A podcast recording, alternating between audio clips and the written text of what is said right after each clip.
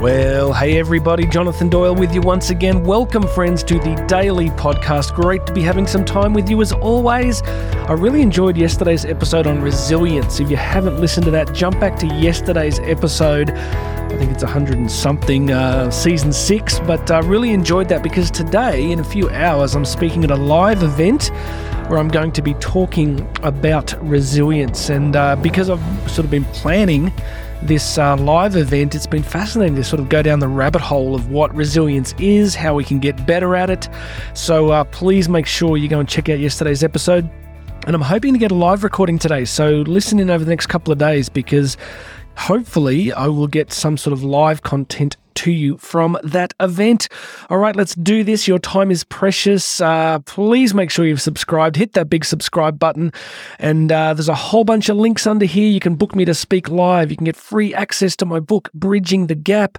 And go and check out Karen's masterclass. My amazing wife does this masterclass for women around the world.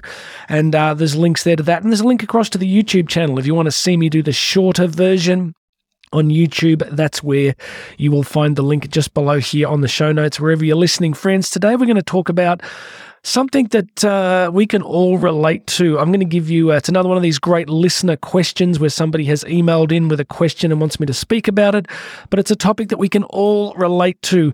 Uh, maybe not in the exact details, but gosh, did I just say gosh? Oh gosh, I did. said gosh. What am I going to do next? I'm going to say darn. All right, moving right along. Uh, when I share the details of this question, you might not deal with a specific issue, but you're going to be dealing with something, uh, you know, something similar, right? We're all dealing with different challenges in life. The reason you are listening today is because you are the kind of person that in some way is seeking to grow, to have, be, do, contribute more in your life. So here's the question. It's, uh, it's really poignant. This person says, Jonathan, I feel stuck in many areas of my life, but the most annoying at the moment is sabotaging myself. I've decided again to try to lose some weight. I know I'll feel great when I do it, and really, even 10 kilos would be wonderful. But as I start going to Weight, wash it, weight Watchers, I'm eating silly things, such as putting brown sugar onto strawberries and blueberries, eating the morning tea at work, which is most of the time yummy, and things I should not be eating. Also, I'm stuck being too fearful to go outside of my house for a walk or bike ride by myself. I live alone. Anyway, baby steps. I'll try this weekend to go for a bike ride or walk if I can. Thanks for this opportunity to vent. Well, you are very welcome, my friend. You are very welcome to vent. We all need good people around us that we can talk to. And uh, you know just uh, to be the recipient of some of the great questions in recent weeks has been a real privilege. So friends uh, just on a tangent make sure you have good people around you that you can talk to. You know we're a very social species so having good people around us that we can talk to is so important. Right. So as i said you may not be dealing with this exact issue. You may not be dealing with you know, trying to get off weight or increase exercise, but there will be something in your life that'll be similar that you're trying to change, but you find really hard to change. I have these things People go, Jonathan, you do a podcast on personal development, peak performance. You must have all this sorted out. Incorrect. I am right beside you on the journey. I am a complete self help project myself. I find every single day that I have to work and strive and struggle to wrestle with the challenges that I have. But let's talk about what unites us through this question is the question of self sabotage. You know, I've worked with senior executives running multi billion dollar um, uh, funds, corporations, charities who are dealing with this exact same issue. I remember a while ago talking to somebody who was uh, responsible for a, a big peak group with, I think, you know, one of the biggest sectors of the economy. It was a, and they were just massively wrestling with self sabotage. They just didn't feel that they belonged there. They were remarkable. They had, excuse me, so many skills but they just felt that uh, they didn't belong there. So no matter where we are, whether we're, you know, sweeping the streets or whether we're at the top of the boardroom, this issue of self sabotage is such a crucial one. What is it? Look, first, I keep trying to tell us, uh, tell people that we are complex, right? We are complex creatures. The reasons that we struggle with self doubt and uh, can be very deep. You know, they can be extremely deep. It can involve trauma. It can involve, you know, damaging relationships. There's so many things that can trigger this experience of of inadequacy. It's a journey. It's a process. You know, I find journaling incredibly helpful. I find uh, reading very helpful. I read a great deal around topics related to trauma, PTSD, growing through different things. So, really, at the heart of self sabotage is the experience of inadequacy or the belief of inadequacy that somehow, for some reason, we are not good enough, we are not lovable, that we don't deserve whatever we have in our life. I would suggest that there are maybe two ways to think about addressing it. One is that we need to do things that are contrary to the sabotage narrative. So when the, the self sabotage narrative says you can't do this or you can never do this, you have to it's basically that concept of feel the fear and do it anyway. You actually have to force yourself to jump off the diving platform. You know, one of the ways you beat self-sabotage is by overwhelming it with data. And by that i mean that you you do things that overwhelm that sense of self-sabotage. To give you an example, when I did my first keynote, major keynote for 10,000 people, uh, I was in uh, in the US and you know, that experience of walking up there on the stage and having the most remarkable experience, it was an incredibly successful keynote um, thing, uh, praise God. And, you know, once you've done that, it's pretty hard to tell yourself, oh, you're not very good at speaking or you can't do this or nobody wants to, because you've had the experience of that kind of win. So, I guess the first thing to suggest would be that the way through self sabotage, one of the ways is behaviorally. So, you actually have to do behavioral things that make it impossible for you to keep believing the sabotage narrative. So, please trust me, to do that requires courage. Courage is developed by practicing it in small, daily, regular steps. So, sometimes we just have to act our way beyond the self sabotage, right? So I hope I'm not getting convoluted here. I hope this is straightforward to understand that the way you beat this, or one of two ways I think you beat this, is by by just doing what the sabotage narrative says you can't do. And there is no shortcut to that. It's literally just stepping through it. The other option is to, sort of take a more therapeutic path, which is to to start working with professionals or with spiritual directors or people that you deeply trust, where you really just talk through that deep interior narrative. Why am I doing this to myself? What is it that I believe? What's behind it? You know, look, most of the literature suggests that something like 95% of our beliefs and behaviors are semi conscious, right? Subconscious, semi conscious, things that we believe that you know, are just just below the surface, that are swimming away under the under the surface of our daily reality. The way I used to prove this to people on stage was I would, you know, let's say it was in the middle of the year, let's say I was speaking in August, I'd ask everybody in the room to remember where they were on the previous Christmas day.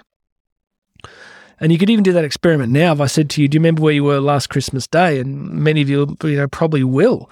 What's the point? Is that think about it. Before I asked you, where was that memory? Where was that memory?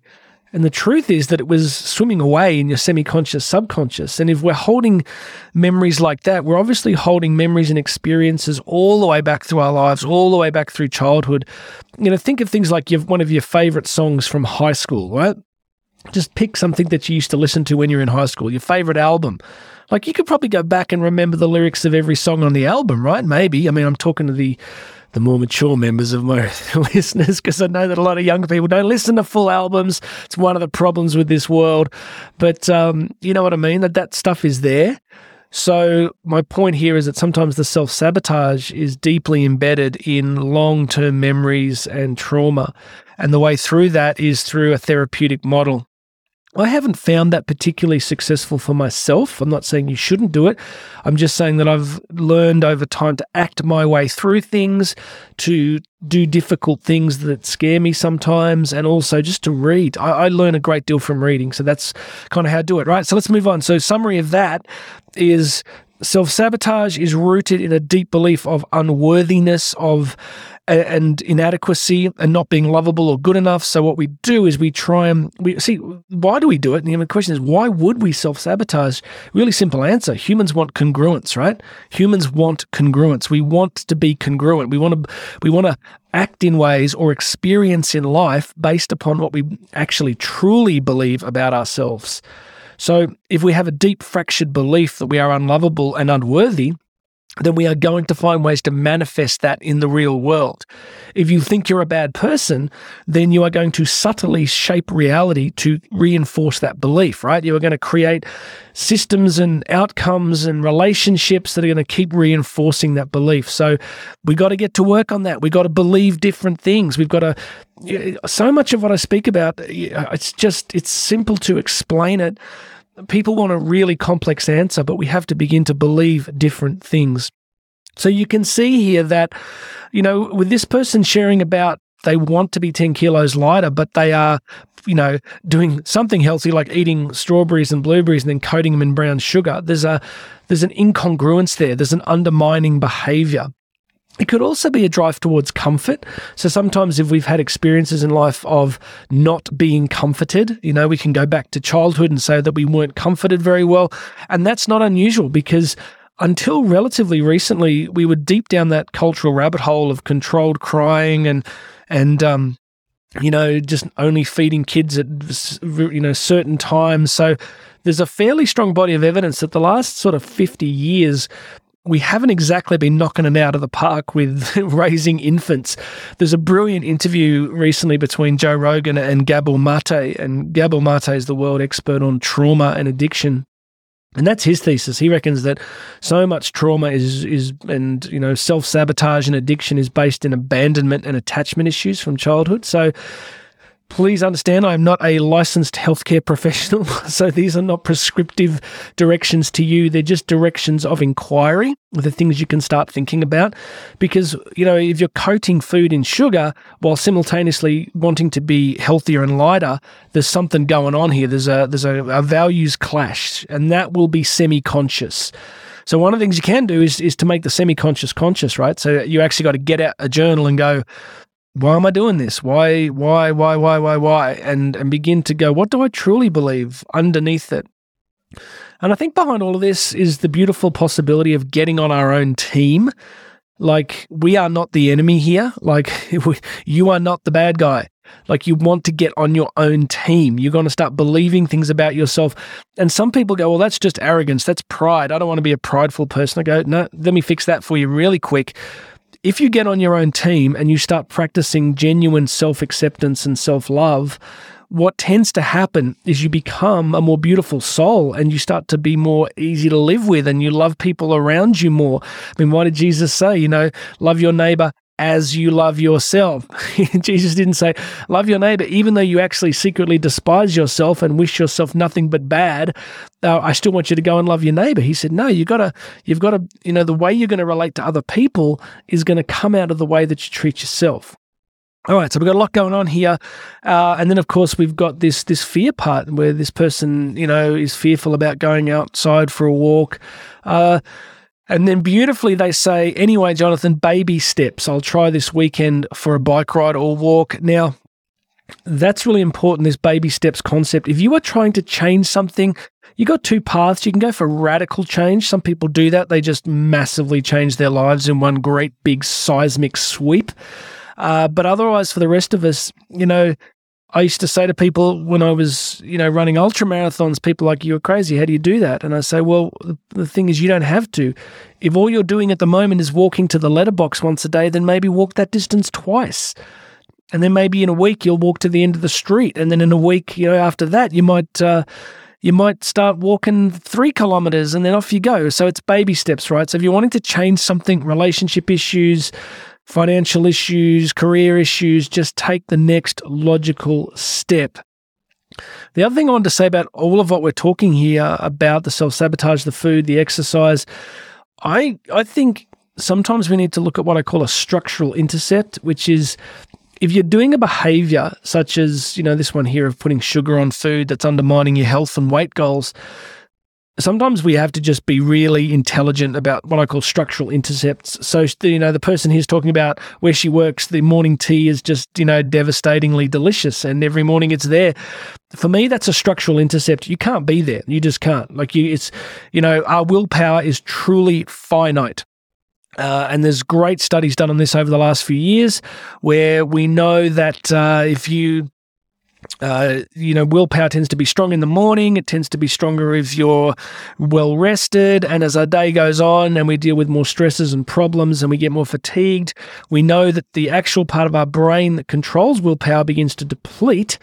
And so you don't want to be in that room with deliciousness there. You don't want to be there. You need a structural intercept. You need to be somewhere else. You need to find a way to be somewhere else so you are not placing yourself constantly in that area of temptation. It's the reason why Alcoholics Anonymous have this great idea. Don't go to bars. it's right. If you go into a bar and you're an alcoholic, that's not great. You need a structural intercept. You need to not be in that place. You need to be somewhere else. So we would like to think that we have this uh, radical, uncontained willpower, but we don't. So let's get really smart. Whatever you're trying to change in your life, put yourself in the right place so that you are not uh, going to struggle with this. I, am thinking about many years ago, I was uh, on a gap year as a younger person, and I was at the school in Europe, and every afternoon they just had this afternoon tea, which was just death on a stick. It was just cream buns and sticky, you know, buns and I just went in there and ate it, all of it, everything. It was mine. it was like, stand back, people. I'm going to work. And, you know, it's just, you just don't want to be there. You don't want to be in that space. So, whatever it is for you, my friend who's listening, structural intercepts, come up with something creative. That's what I tend to do if I need to really change something. I come up with uh, really you know, doing something different, creating a new context that forces me out of the old pattern. And I've written here in my notes, um, you know, leverage structure. Uh, this was uh, with the exercise piece. Sometimes, if you're trying to increase your health thing, I often say leverage structure, which means create structure around it. You know, uh, meet with somebody, join a club, join a get a trainer, do something that creates more structure around it. Because often, if it's a case of I've got to go out and do this, and it's horrible weather and I don't want to do it, you make it harder on yourself. But if you've got to meet somebody at 10 a.m., if you've got to meet your trainer because you're paying them, it makes a difference. You know, the weather here in Australia has been so bad. It's been awful. We've had the worst weather for ages. And for someone like me who cycles and runs a great deal, it's been really challenging. So I've been using the Zwift platform, which is a, you know, um, I've got a really advanced stationary trainer bike set up that Bluetooths into this software so it's uh, a new race against people, and it's a really great program. So I find that when I wake up at 4 a.m., I look outside, it's black, it's raining, it's miserable. Do I want to go and do 100K on the bike outside? No, but I jump on Zwift and the thing is that if I just jumped on Zwift and pedaled around, uh, I'd get some benefit, but I race. There's there's endless races, sometimes hundreds of people from around the world. So it forces me into a much higher level of performance, right? Because I'm leveraging structure. I'm using the structure of the software, the the indoor training software, and I'm using the structure of the races to improve my performance. So if you're trying to change something, look at those structural elements that can be really helpful. All right, summary. Friends, we are all wounded people. We are all broken people at some level in some parts of us. We all carry wounds and pain, and self sabotage comes out of that. We are afraid to live a big, expansive, amazing life because we're not sure we're allowed to, because we have these internal narratives that can do us so much damage. How do you do it? You act your way out of it. You start to either physically do things in the world that force that narrative to change, or you begin to take the therapy journey and start working with doesn't have to be professional therapy it can be but it can be just meeting with a good friend telling them the truth sharing your heart it can be journaling whatever you need to do. Um, get those structural intercepts in place around other behaviors and then if you want to start doing stuff like more exercise get those baby steps in place just start just get moving and create structure around that so it works. All right I'm going to stop there. Listen, uh, go check out those show notes. Uh, you can book me live for conferences, working with businesses. Uh, to speak and training and all sorts of different issues. So go check out those links, get yourself a free copy of my book in that link there. Go across and check out the YouTube channel and, of course, check out Karen's masterclass. God bless you, everybody. Do me a favor, make sure you've subscribed. Chuck this on your social media feeds, share this with some friends and family. Uh, reach out anytime. You can find me at jonathandoyle.co.co, jonathandoyle.co.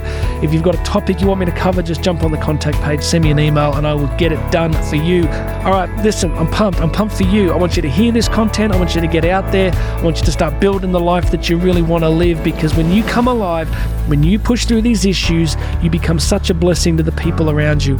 All right, everybody, my name's Jonathan Doyle. This has been the Daily Podcast, and I'll have another message for you tomorrow.